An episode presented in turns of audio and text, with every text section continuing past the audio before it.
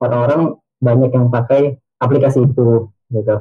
Terus banyak orang yang ngeksploit coba ngeksploitasi ada nggak sih celahnya dan sebagainya? Cuman ya. yang memang kalau gue baca-baca yang lemahnya itu respon dari Zoom-nya. Secangkir Podcast. Obrolan santai bareng Rizky dan teman-temannya Kadang kita serius, kadang lucu, tapi bermanfaat Yuk dengerin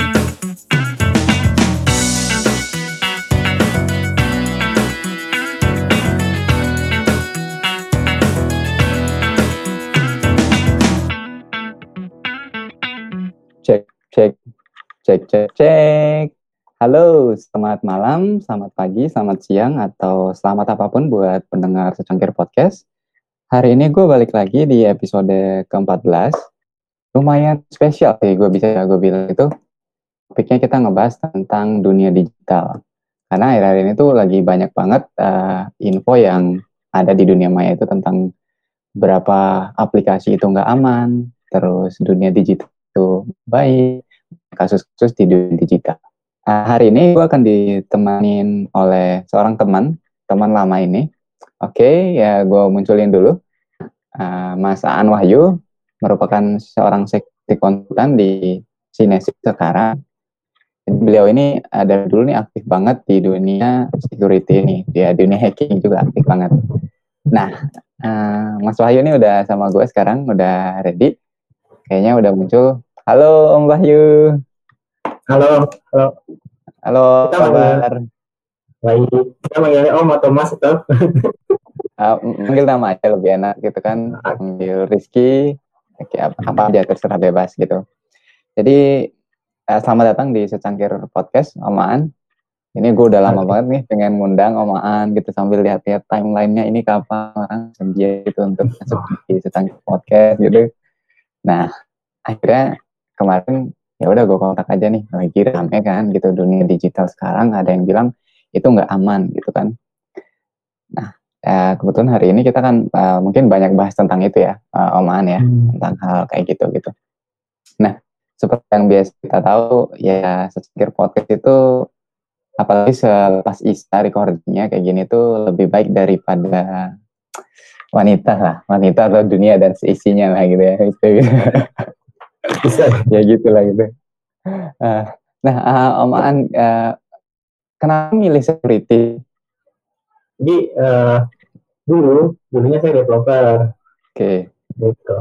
Jadi saya dulunya developer, terus ketika developer, uh, saya tuh kayak pengen bikin aplikasi, tapi juga saya tahu gitu gimana caranya aplikasi ini aman apa enggak sih gitu terus uh, sampai seperti apa dan gimana nah terakhir waktu pas awal 2016 jadi awal eh awal 2017 awal 2017 tuh itu benar-benar terjun payung.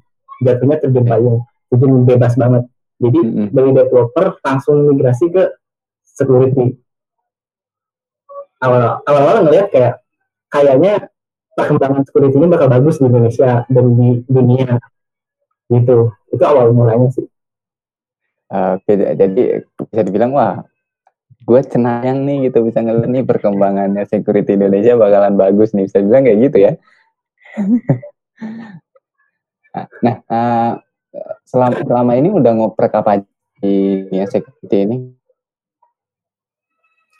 Uh, untuk di dunia security, saya lebih ke soal reverse engineering, terus beberapa hal kayak pentest itu pasti, terutama dari web sekarang lagi rame-ramenya banget, kebanyakan target-target yeah. yang pentest itu pasti web atau enggak mobile apps, karena sekarang orang untuk membuat suatu karya, suatu nama cukup punya web app atau enggak mobile app itu udah jadi satu startup kan biasanya kayak gitu. Iya betul. Mm -hmm. Terus permintaan ini itu. Nah, terus juga uh, kalau kalau satu dua satu dua tahun ini terakhir lagi fokus di housing sih.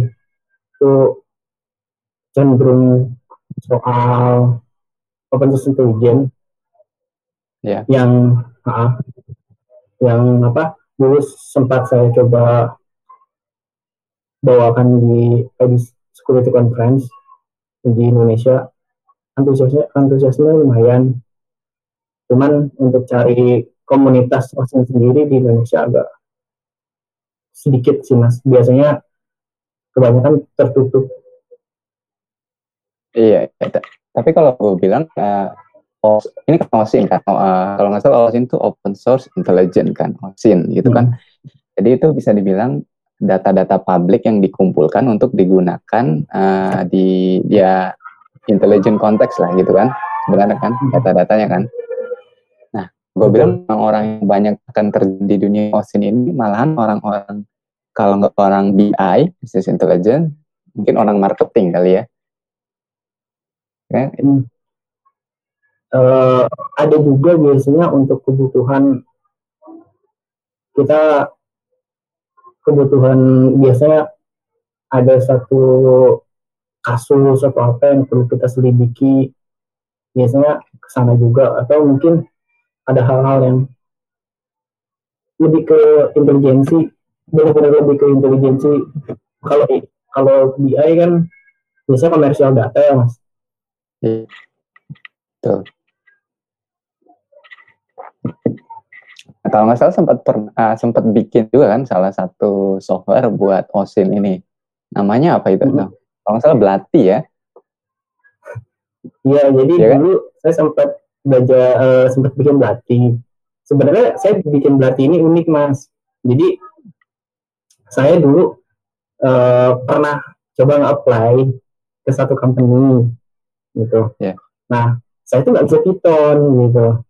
Terus ternyata okay. di company itu butuh butuh butuh Python gitu saya kira tertarik saya suka suka development suka security terus nah ya udahlah saya coba belajar Python ya kan terus saya lihat-lihat ya. ternyata Python itu agak gampang untuk dipelajarin dibaca gitu kan terus dukungan dari komunitas juga agak lumayan besar. Terus waktu itu nah, saya sempat sempat mikir bikin apa ya? Terus lihat di saya lupa awal mulanya saya tahu Ocean dari mana yang jelas waktu itu belum belum terlalu booming banget. Terus saya lihat ada satu project namanya eh, apa ya split split gitu. Pokoknya mungkin orang India.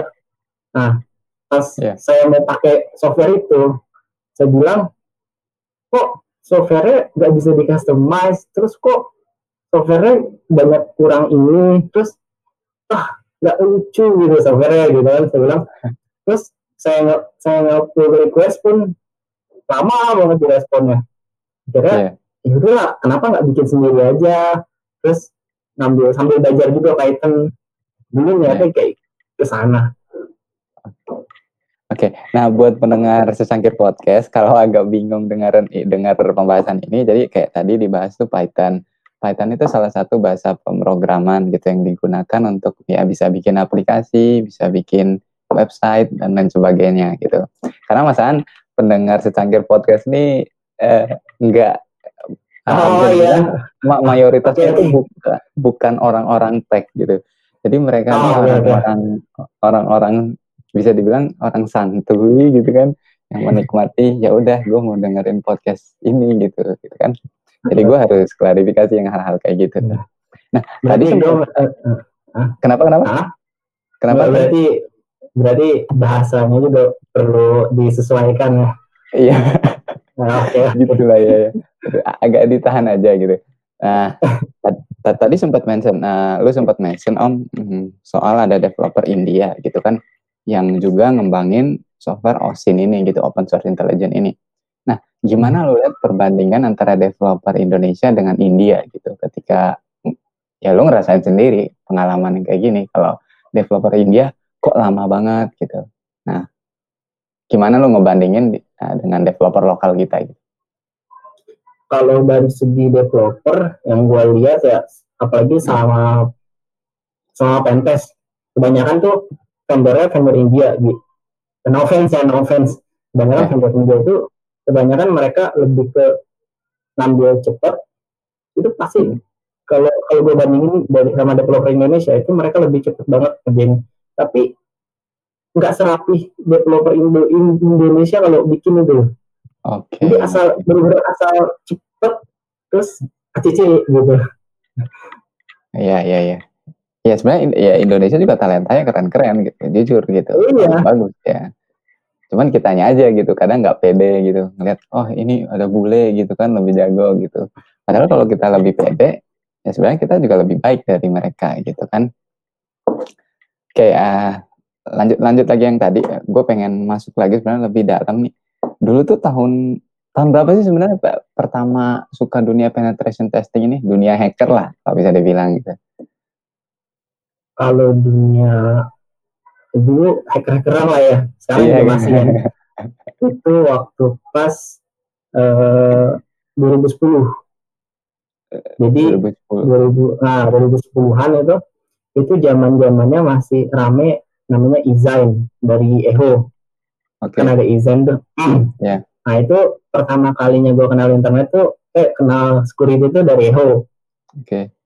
Baca forumnya karena dulu forumnya itu simple my baby eh, my baby kalau salah my baby terus nggak perlu registrasi bisa baca Oke. bisa komen terus desainnya itu jadi desain itu elektronik eh, magazine Magazine. itu Ya. mm-mm, itu rilisnya biasanya eh, waktu itu per bulan jadi ada terus gitu Ya. nah dari situ gua kenal oh ternyata eh, apa dari mulai yang Eho terus sempat kayak masih belum belumnya kecoa ya kan Ya. itu juga bikin izin nah dari situ waktu pas zaman itu tuh masih masih cuman kayak sebatas mau baca-baca terus masih sebatas kayak dijangker di forum-forum Hmm. terus juga kita kan sempat ketemu di satu forum bareng gitu kan Ya. nah di situ kan ah gitu yang itu terus apa eh dari situ waktu pas 2013 itu gue sempat nge-propose buat ngadain hack in zoo di kota di kota yang gue ingin. Karena jujur gue nggak- tahu Jakarta tuh kayak gimana. Iya. gue belum tahu Jakarta 2013 tuh gue belum tahu Jakarta tuh kayak gimana. Kemak naik apa ke Jakarta dan sebagainya lah. Eh, jadi gue gue undang deh itu master-masternya buat ngasih hack in the zoo di kota gue gitu Iya. Coach. Aduh. Tapi, tapi semua masih ini kan masih tetap kenal satu sama lain kan dengan teman-teman itu masih ngobrol-ngobrol sekarang masih kontak-kontakan juga kan? justru di dunia security, di dunia security gue kayak ngelihat lebih kecil malah ruang lingkupnya Kok ini kok lu lagi lu lagi? tiktokannya kok ke sini lagi tiktokannya ke sini lagi gitu Aduh. Eh, iya sih tapi gue gue lihat kan di, di dunia IT ketemunya ya itu lagi itu lagi itu lagi itu lagi benar gitu. tapi kalau dilihat an- anak-anak yang baru sekarang itu potensinya gimana sih banyak kan gitu kan gen- generasi ya setelah kita Gen Z ya. Gen Gen Y, Gen Ah. Z. Bisa jadi. Nah, gimana tuh potensi mereka? Banyak kok bagus-bagus. Eh, apalagi sekarang udah zamannya bug hunting ya.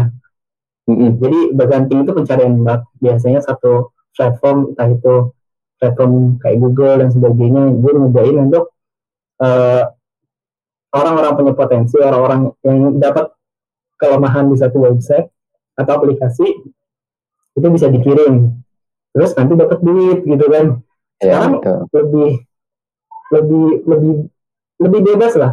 Kalau Ya. dulu kan kita orang dapat kelemahan website terus kita ngelaporin itu bisa dicari. iya betul Iya, jadi dulu pernah ada tuh cerita ada orang yang dia udah masuk eh nya- dapat kelemahan di satu website terus di, di email itu malah malah di caci maki terus di dicari terus dia, ah jadi dulu tuh zamannya kayak nggak ditangkap aja udah syukur ya iya iya Walaupun- ya.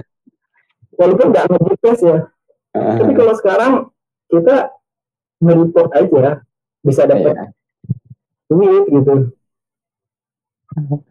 Iya sih, sekarang yang Halo, yo, so- sorry tadi yang nanya yang siapa? Ab- Yoshino-chan, bagaimana kabar kak? Baik gitu. Thank you, thank you for coming gitu. Nah, uh, gue lanjut yang tadi. Emang sih sekarang tuh kebanyakan Gen Z. Gue gue punya salah satu engineer gitu. Dia lulusan SMK gitu kan. Ketika dia developer sebenarnya. Ketika selesai kerja itu nggak selesai sih. Kadang pas kerja kerja tuh gue liatin laptopnya gitu. Lagi ngapain? Ini kak lagi ngerjain ini bug hunting yang kemarin gitu hmm. nyari di Tokopedia dan sebagainya. Oh gitu gitu. Iya ternyata eh, effortnya itu sekarang tuh lebih lebih mudah sih bisa dibilang ya, karena mereka udah disediakan tools yang udah banyak gitu kan udah bagus-bagus mereka tinggal pakai gitu dan knowledge-nya juga sekarang kan udah ada semua lah gitu tinggal dicari kan hmm. dulu kan harus cari sendiri-sendiri susah banget gitu kan harus ajarin om ajarin ini gitu harus susah nyari yang gitu kan tapi sekarang emang anak-anaknya aduh gila gitu kan. Bisa sekeren ini gitu. Iya, iya.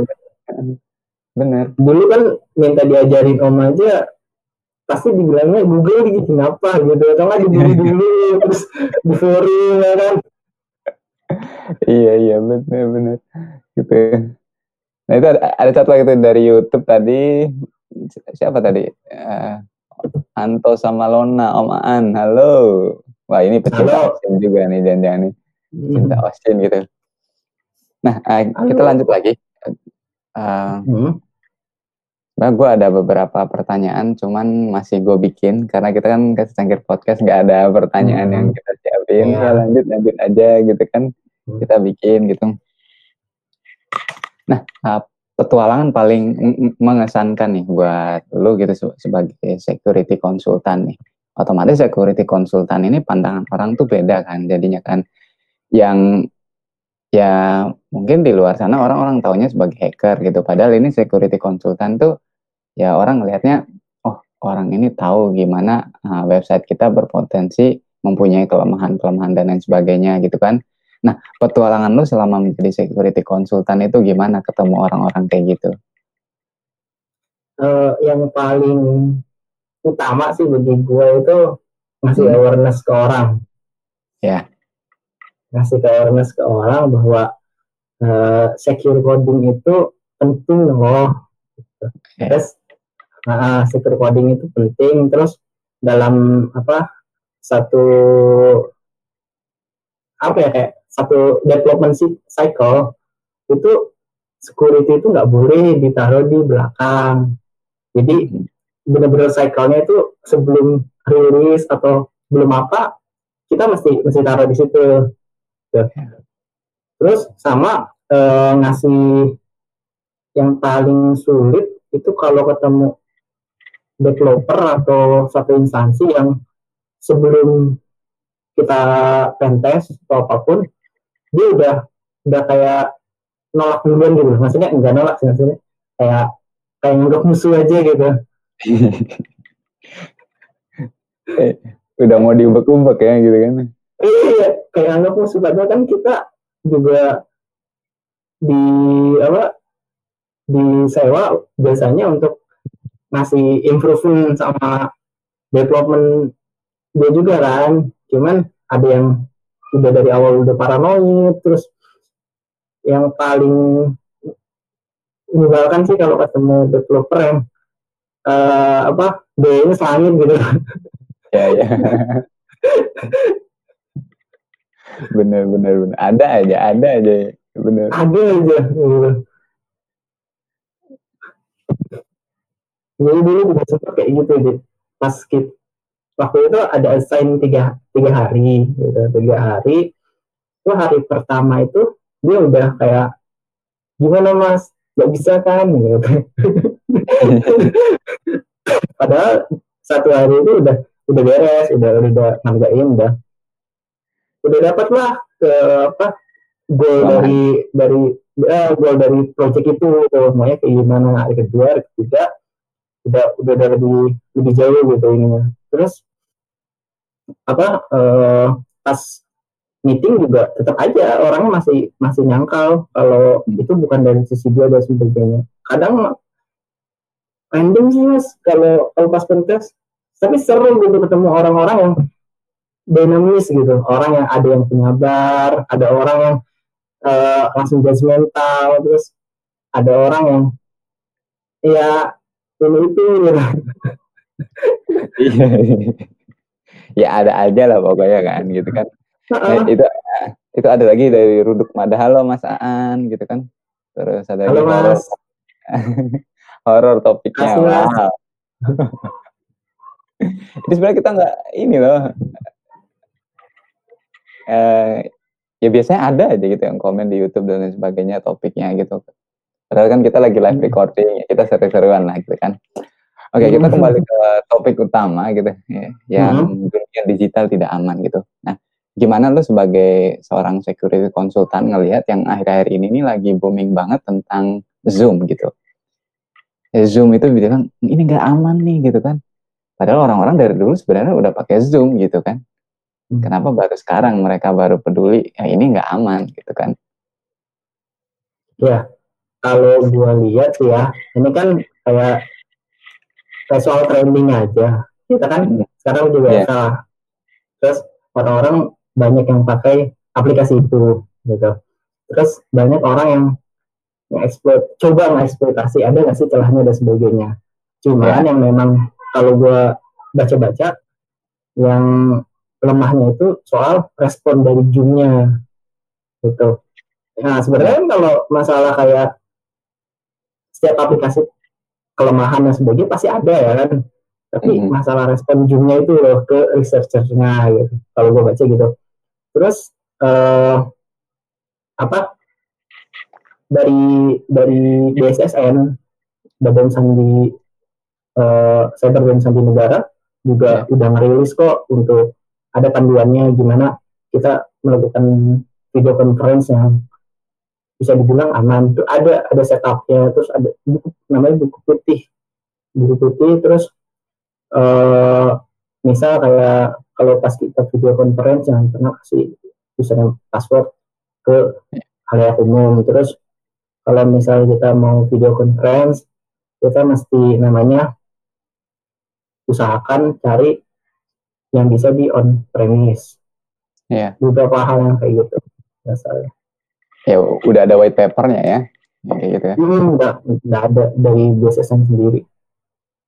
Nah ini ada BSSN gitu. Nah, nah eh, gimana lo ngeliat ikut campur pemerintah di hal-hal kayak gini gitu? Pemerintah juga kalau nggak salah sering banget tuh kayak tulis apa update-update mereka lagi zoom pakai zoom dan lain sebagainya dan hmm. mereka sebenarnya udah tahu nggak sih itu tuh nggak aman gitu kalau menurut lu tapi kalau dari segi kalau BSS sendiri udah udah ada biasanya kalau setiap ada trending vulnerable atau misal ada hal-hal yang yang bisa dibilang kayak eh, nggak uh, bahaya sih tapi lebih ke treatnya besar itu biasanya ada himbauan atau ada rilis untuk apa si white paper kayak gitu. Jadi biar masyarakat kalaupun memang harus terpakai aplikasi itu atau sebagainya diberikan guidance-nya seperti apa biar tetap aman gitu. Ah, oke okay, oke. Okay. Nah, nah, terus juga dari yang Zoom sendiri ada beberapa hal kan sekarang udah diupdate tuh sama mereka mereka udah udah mulai menerima oh ternyata aplikasi gua kayak gini kayak gini kayak gini gitu. Oke. Okay. Sebenarnya sebenarnya kasihan juga sih sama sama Zoomnya gitu. Jadinya kayak mati ya nggak akan matiin bisnis sih, cuman kayak kayak ngurangin trustnya aja gitu. Iya sebenarnya setelah uh, boomingnya Zoom itu sebenarnya orang-orang tuh banyak yang pindah ke uh, software open source gitu kayak Jitsi mm -hmm. gitu kan terus banyak-banyak perusahaan memanfaatkan itu bikin gitu kan ya install hmm. video conference di server mereka gitu ngasih layanan silahkan ini karya kita gitu kan ada video conference gitu kan ya lumayan sih sebenarnya kan ya ada banyak kesempatan iya. gitu namanya kan branding juga ya kan iya. gitu ya ada kesempatan ya udahlah sikat gitu kan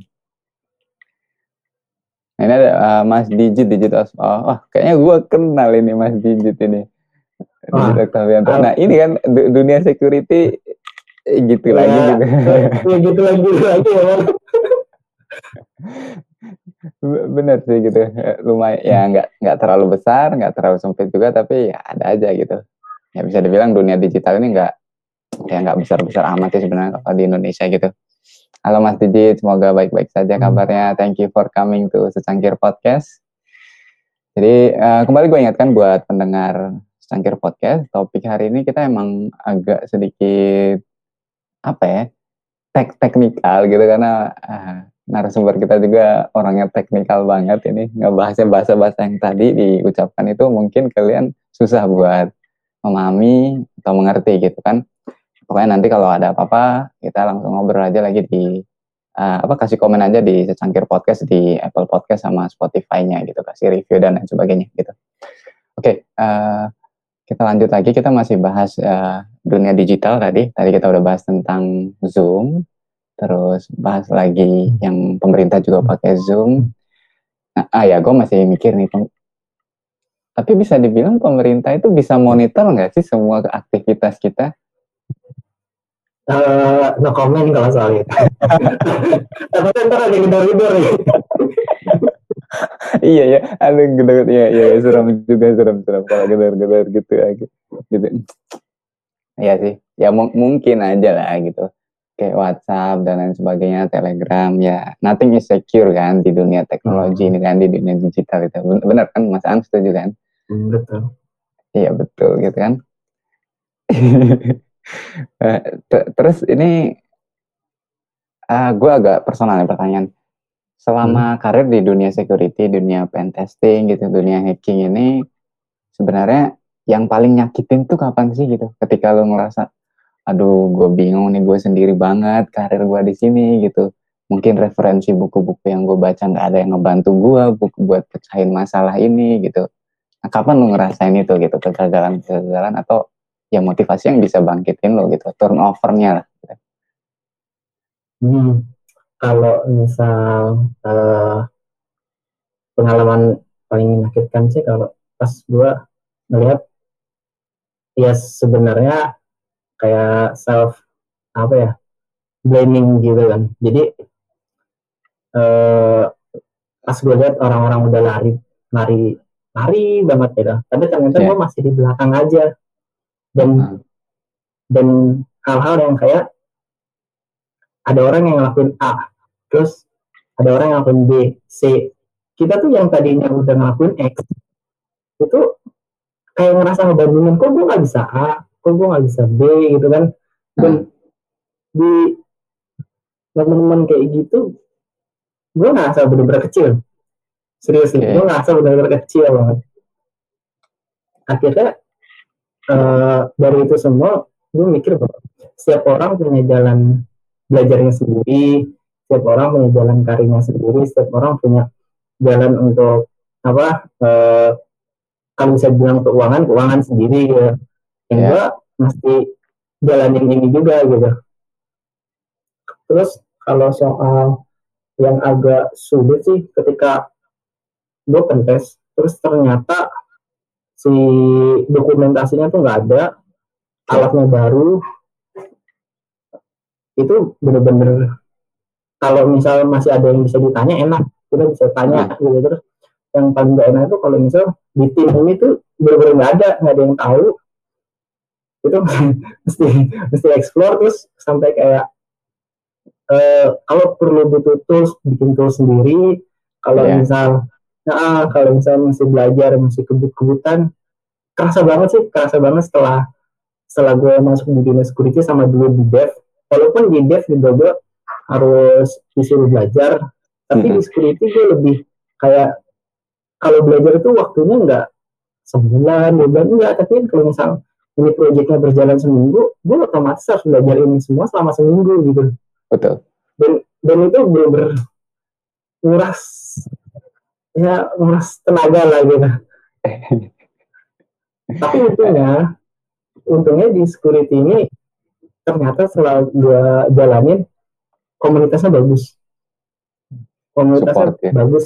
Nah, jadi kalau misalnya ada apa-apa bisa tanya atau apa dan sebagainya. Terus kalau ada meetup pun ya hampir mirip lah kayak dev kalau misal meetup misal uh, ngasih tahu oh ternyata di apa di environment gue pakai aplikasi apa terus apa dan sebagainya di meetup ini pun kayak gitu sama kita ngebahas masalah teknologi atau mungkin kayak fraud fraud yang terbaru terus atau teknik-teknik yang terbaru dan gue baru dari dari developer dulu gue orangnya ogah-ogahan kalau namanya ikut meetup Ya. ikut meetup atau apa gitu kan terus setelah gue masuk ke awal security gue ikut mesti maksain gitu. Karena gue nggak tahu dunia ini kayak dunia security ini kayak gimana terus orangnya kayak apa terus gue bakal Ya. punya eh, rekan kerja kayak gimana nanti gitu kan. Maksa masuk eh, ternyata welcome gitu loh. Keren. Nah, nah, eh, ta- dari hal-hal tersebut nih, dari hal tersebut lu, oh gue udah tahu hal kayak gini. Nah, dari yang terjadi itu, apa sih hal, hal yang yang lu harapkan tahu lebih awal gitu kan, sebelum terjun sebagai seorang pentester atau security consultant itu gitu. oh Iya, jadi oh, oh gue harus tahu lebih, harusnya gue tahu lebih awal nih tentang komputer sebenarnya ya beda gitu, kayak gitu.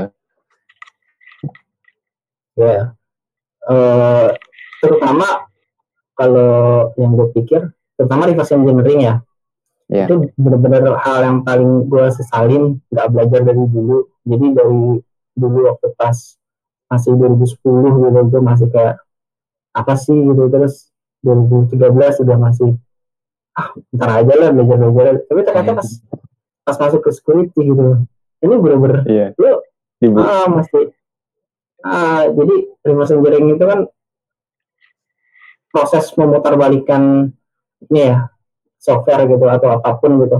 Mengebongkar terus dibalikin lagi kan.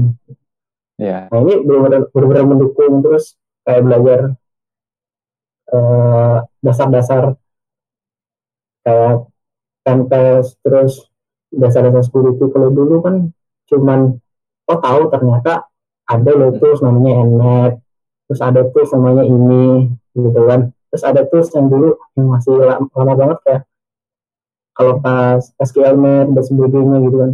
Cuman tahu aja gitu waktu dulu. Tapi sekarang ternyata oh, ini bener-bener dipakai banget gitu kan. Ini ini gue nantau nih lu ngomong bahasanya itu. Gue nggak yakin Mm-mm. pendengar kita itu. Iya beberapa hal te- technical berarti hal yang pengen yang pengen banget di awal itu sebenarnya reverse engineering tadi kan gitu kan? Reverse engineering.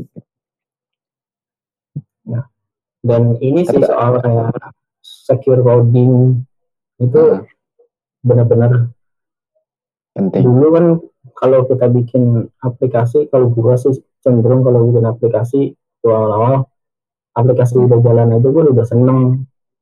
Iya tapi ternyata kalau pas lagi di dunia security kayak sekarang kayak gitu ya kayak di ledekin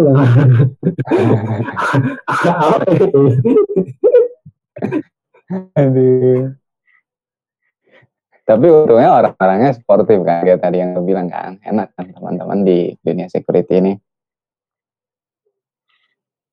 Terus eh, sekarang kalau senggang selain iseng-iseng gitu, hacking dan lain sebagainya, security ngapain sama?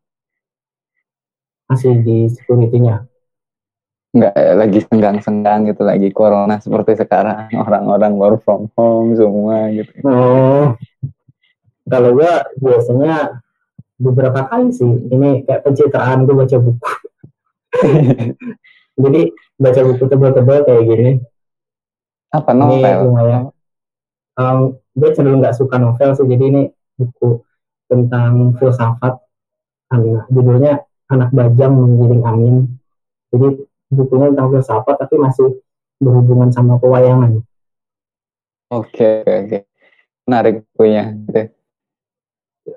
Menarik Ah. banget bukunya. Mungkin nanti ya, pendengar sesangkir podcast na- nanti bisa gue masuk ke deskripsi juga deh untuk uh, bukunya. Nah, itu kalau tertarik buat baca. Nah, selain baca buku apa, Mas An? Baca buku. Gue hampir PS itu masih sering terus masih nonton nonton dari Netflix. Dulu awal-awal gue mikir kayak nonton Netflix tuh apa sih orang kok ngabis-ngabisin duit terus ngabis-ngabisin waktu buat nonton kayak gitu doang gitu. Padahal bisa Iya. kerjakan gitu. itu kan dulu mikirnya gitu kan. Tapi ternyata setelah setelah gue coba ikutin ah, ternyata enak ya dapat rilis lebih awal kualitasnya lebih bagus ya kan terus belum tentu ada di tangan itu kan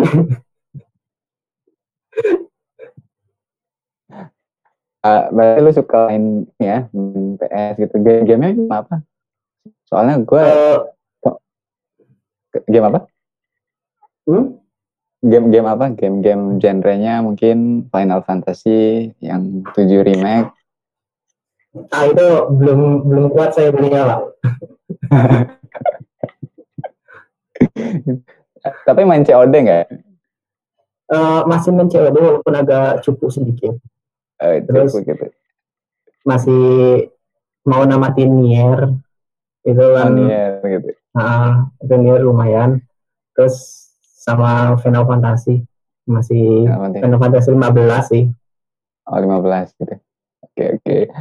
Eh, buat anak-anak jangan main game Nier. Karena agak sedikit sensual gitu kalau game Nier Nier itu jangan lah gitu kan. ya, jangan kalau eh, buat bapak-bapak ibu-ibu yang dengar enggak sih anaknya game itu. Ya kalau- kalau gue lebih suka mainnya gamenya Call of Duty gitu. Nah, nah, nah ini gue udah seminggu nih nggak main Call of Duty gara-gara setelah podcast yang kemarin hari Minggu tuh gue langsung sakit jam 2 pagi hari Senin gue langsung ke dokter dirawat di sana gitu. terus minggu udah sakit jadi nggak bisa main.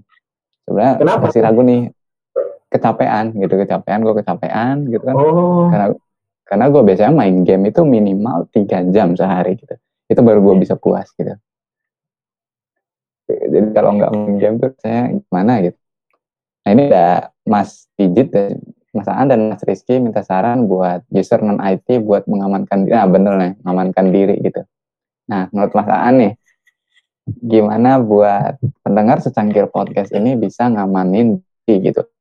Di sore gua gua gua dapet pertanyaan dari ibu-ibu gitu ki gitu. Hmm. pakai zoom aman nggak gitu kan pakai zoom aman nggak gitu. Tadi saya juga udah nanya ke salah satu orang security juga Pak Budi. Dia udah nanya ke Pak Budi Rajo katanya bla bla bla. Nah kalau menurut Mas Aan gimana? Ya orang awam kadang nggak tahu juga baik baik. Baik, baik. Eh, kemarin saya sempat bikin ininya kayak apa ya semacam beberapa tips gitu untuk pas kita masuk WFH. Ntar saya coba cari dulu. Nah, ya. Eh, kemarin sempat live juga kalau nggak salah ya sama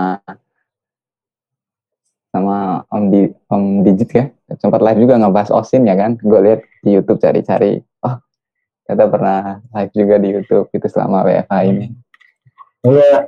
Oh, selama WiFi ini Mas Digit sering banget gitu. Kontennya konten-kontennya bagus-bagus banget. ini ini malah dila, diajakin main CSGO ini aduh Mas Rizky mabar CSGO dari Mas Digit saya nggak main CSGO Om gitu karena gue suka Call of Duty dari dulu Hmm. Baik, baik.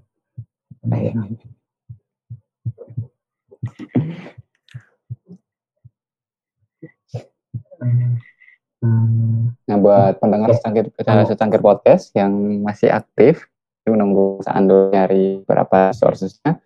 Jadi kalian eh, jangan lupa terus dengarkan kita di Apple Podcast sama Spotify, karena itu buat nyemangatin kita untuk bikin episode-episode lainnya di secangkir podcast ini. Oke, gimana Mas An? Tips? salah satunya itu kayak ini kemarin saya buatkan untuk beberapa hal terkait kayak social engineering terus eh, di masa pandemi ini banyak banget phishing terus phishing itu kayak uh, satu metode untuk biasanya duplikasi konten yang asli jadi jadi menyerupai gitu. Terus kalau mau share screen monggo mas, kalau mau bisa juga share screen di sini di tombol bawah. Boleh bentar, ah, bentar mana ya? Yang di bawah ya, itu ada screen.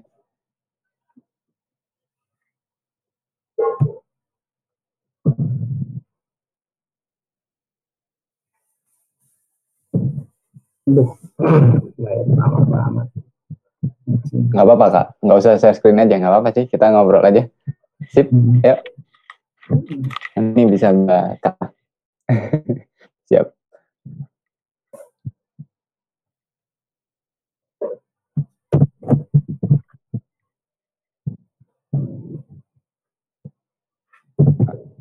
Halo, cek. Nah, ada, udah. Nih, salah satunya.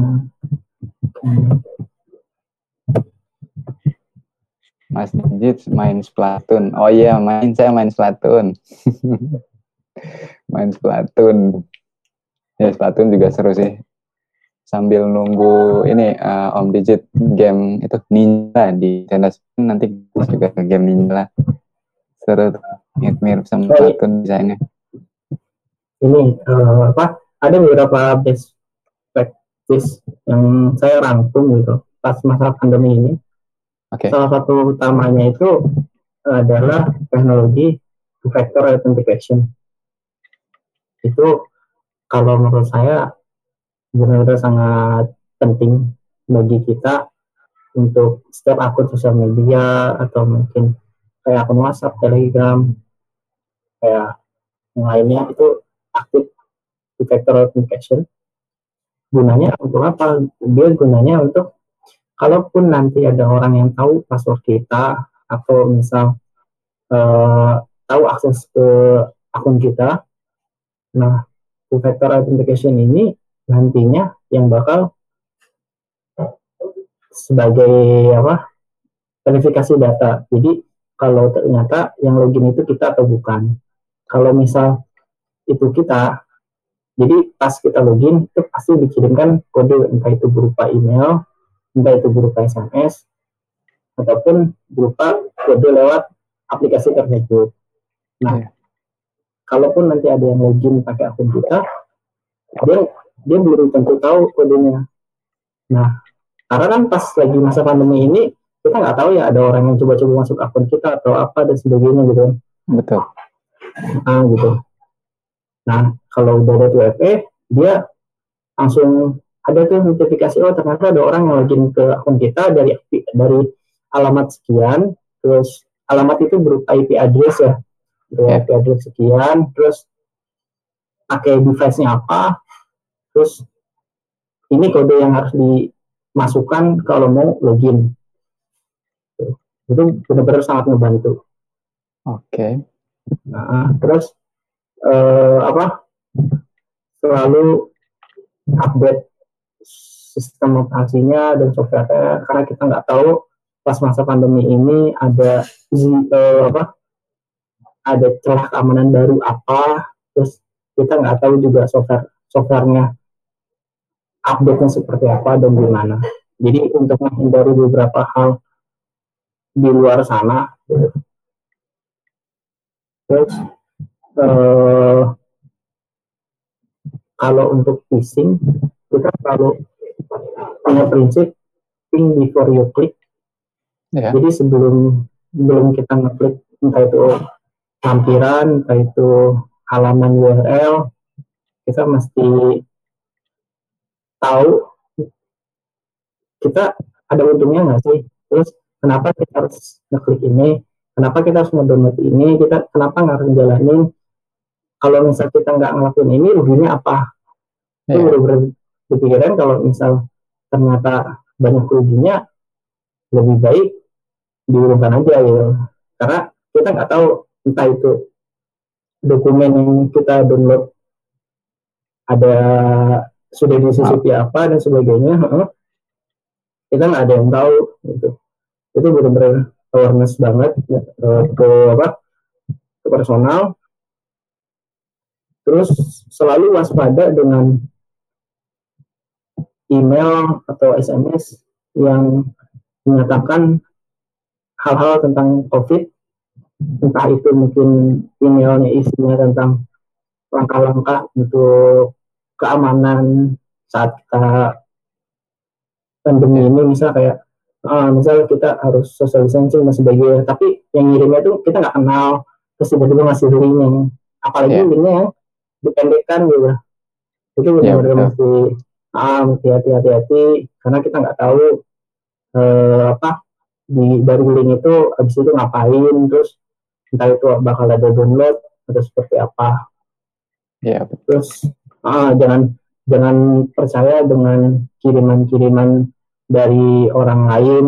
Apalagi kalau SMS kadang ada SMS yang yang unik itu yang dia nyantol di nomor masking gitu loh. Misal yeah. misal ya, satu operator misal ABC gitu. Nah, si ABC ini ngeblasting, tapi bukan si ABC yang ngeblasting. Oh gitu ya ya ya. Nah, uh, di belakangnya nggak nggak tahu lah uh, di belakangnya ada celah keamanan seperti apa gitu. Uh. Jadi blasting uh, sebagai si operator itu atau mungkin sebagai yang lain gitu. Nah, yeah. biasanya dia ada di situ kan kalau kayak iklan apa dia juga bisa sebenarnya di sana. Gitu. Iya. Benar-benar mungkin ah, benar-benar zero trust lah. Iya, mungkin mantan nggak suka bisa aja kan, gitu kan, ngejebak ah, kita. bisa jadi gitu kan. Apalagi kalau yang ininya targetnya cewek-cewek ya, terus iya. suruh klik ini ternyata pas diklik webcamnya difotoin iya. dia bagaimana nggak tahu ya kan. Iya. Oke, okay, kayak itu udah banyak banget uh, tips-tipsnya untuk menjaga keamanan kita di dunia digital ini. Pertanyaan gue, ah gue udah susah mikir, gue tapi masih ada pertanyaan-pertanyaan iseng uh, setelah ini, mm -hmm. kan? Kita lanjut aja ya, uh, lanjut ke pertanyaan isengnya. Mm -hmm. Menurut lo, gimana jelasin warna biru ke orang yang buta? Jelasin warna biru ke orang yang buta. Yap bukannya oh, buta buta warna atau buta buta nggak bisa ngeliat oh buta. Hmm. kalau dikasih tahu bayi lisan juga dia nggak tahu warna biru itu seperti apa. Iya gimana? Hampir ya hampir semua narasumber gue di secangkir podcast itu gagal menjawab ini. Gue nggak tahu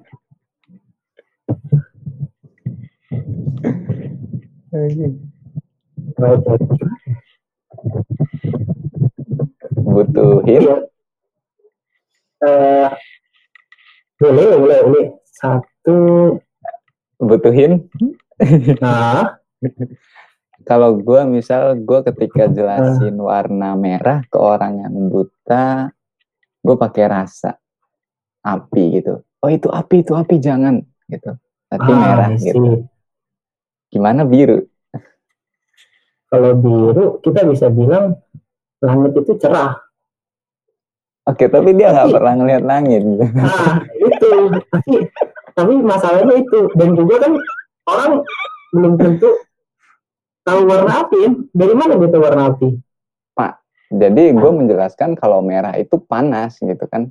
Karena dia bisa ngerasa pasti orang buta tuh merah itu melambangkan ya bisa panas, ketakutan, keberanian gitu. Kayak gitu. Nah, kalau hmm. biru gimana? Iya, film film buta juga.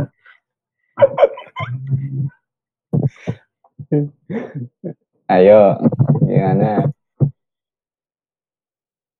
Nah, untuk mengetahui warna biru. Padahal ini udah udah jelas ya tahu. Tapi eh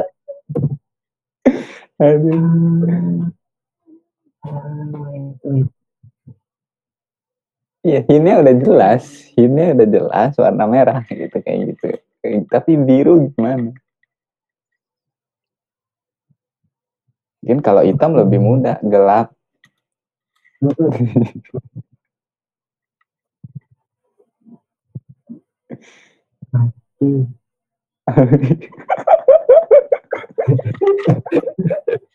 Laut juga bukan ya kan suruh suruh suruh ngerasain laut juga bukan ya kan Aduh. Iya biru apa gitu. Coba. Eh, salah satu narasumber sebelumnya bilang eh, lembut gitu, kelembutan gitu. Terus air, ada yang bilang air, kasih aja air gitu. Lembut gitu.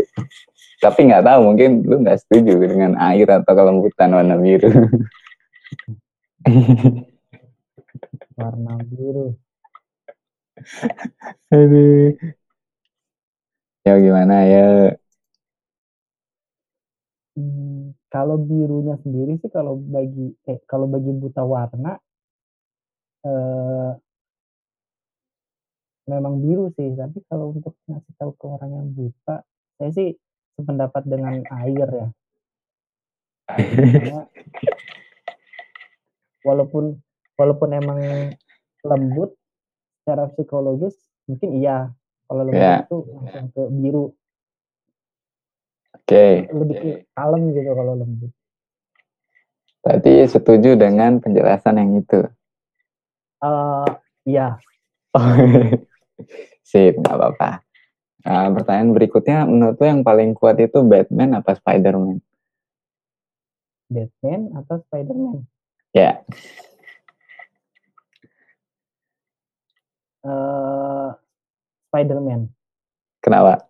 mestinya sih karena Batman itu kebanyakan semua yang dia pakai dan sebagainya itu di provide sama orang Oke, kan ah, tanpa maksudnya tanpa ada Batmobile tanpa ada alat-alat dan sebagainya itu nggak bakal jadi apa-apa gitu. Tapi kalau Spider-Man dia kan pure murni dari dia diri dia sendiri cuma dikasih kostum aja. Oke. terus mikirnya gitu. Berarti tetap milih Spider-Man ya? Spider-Man Oke.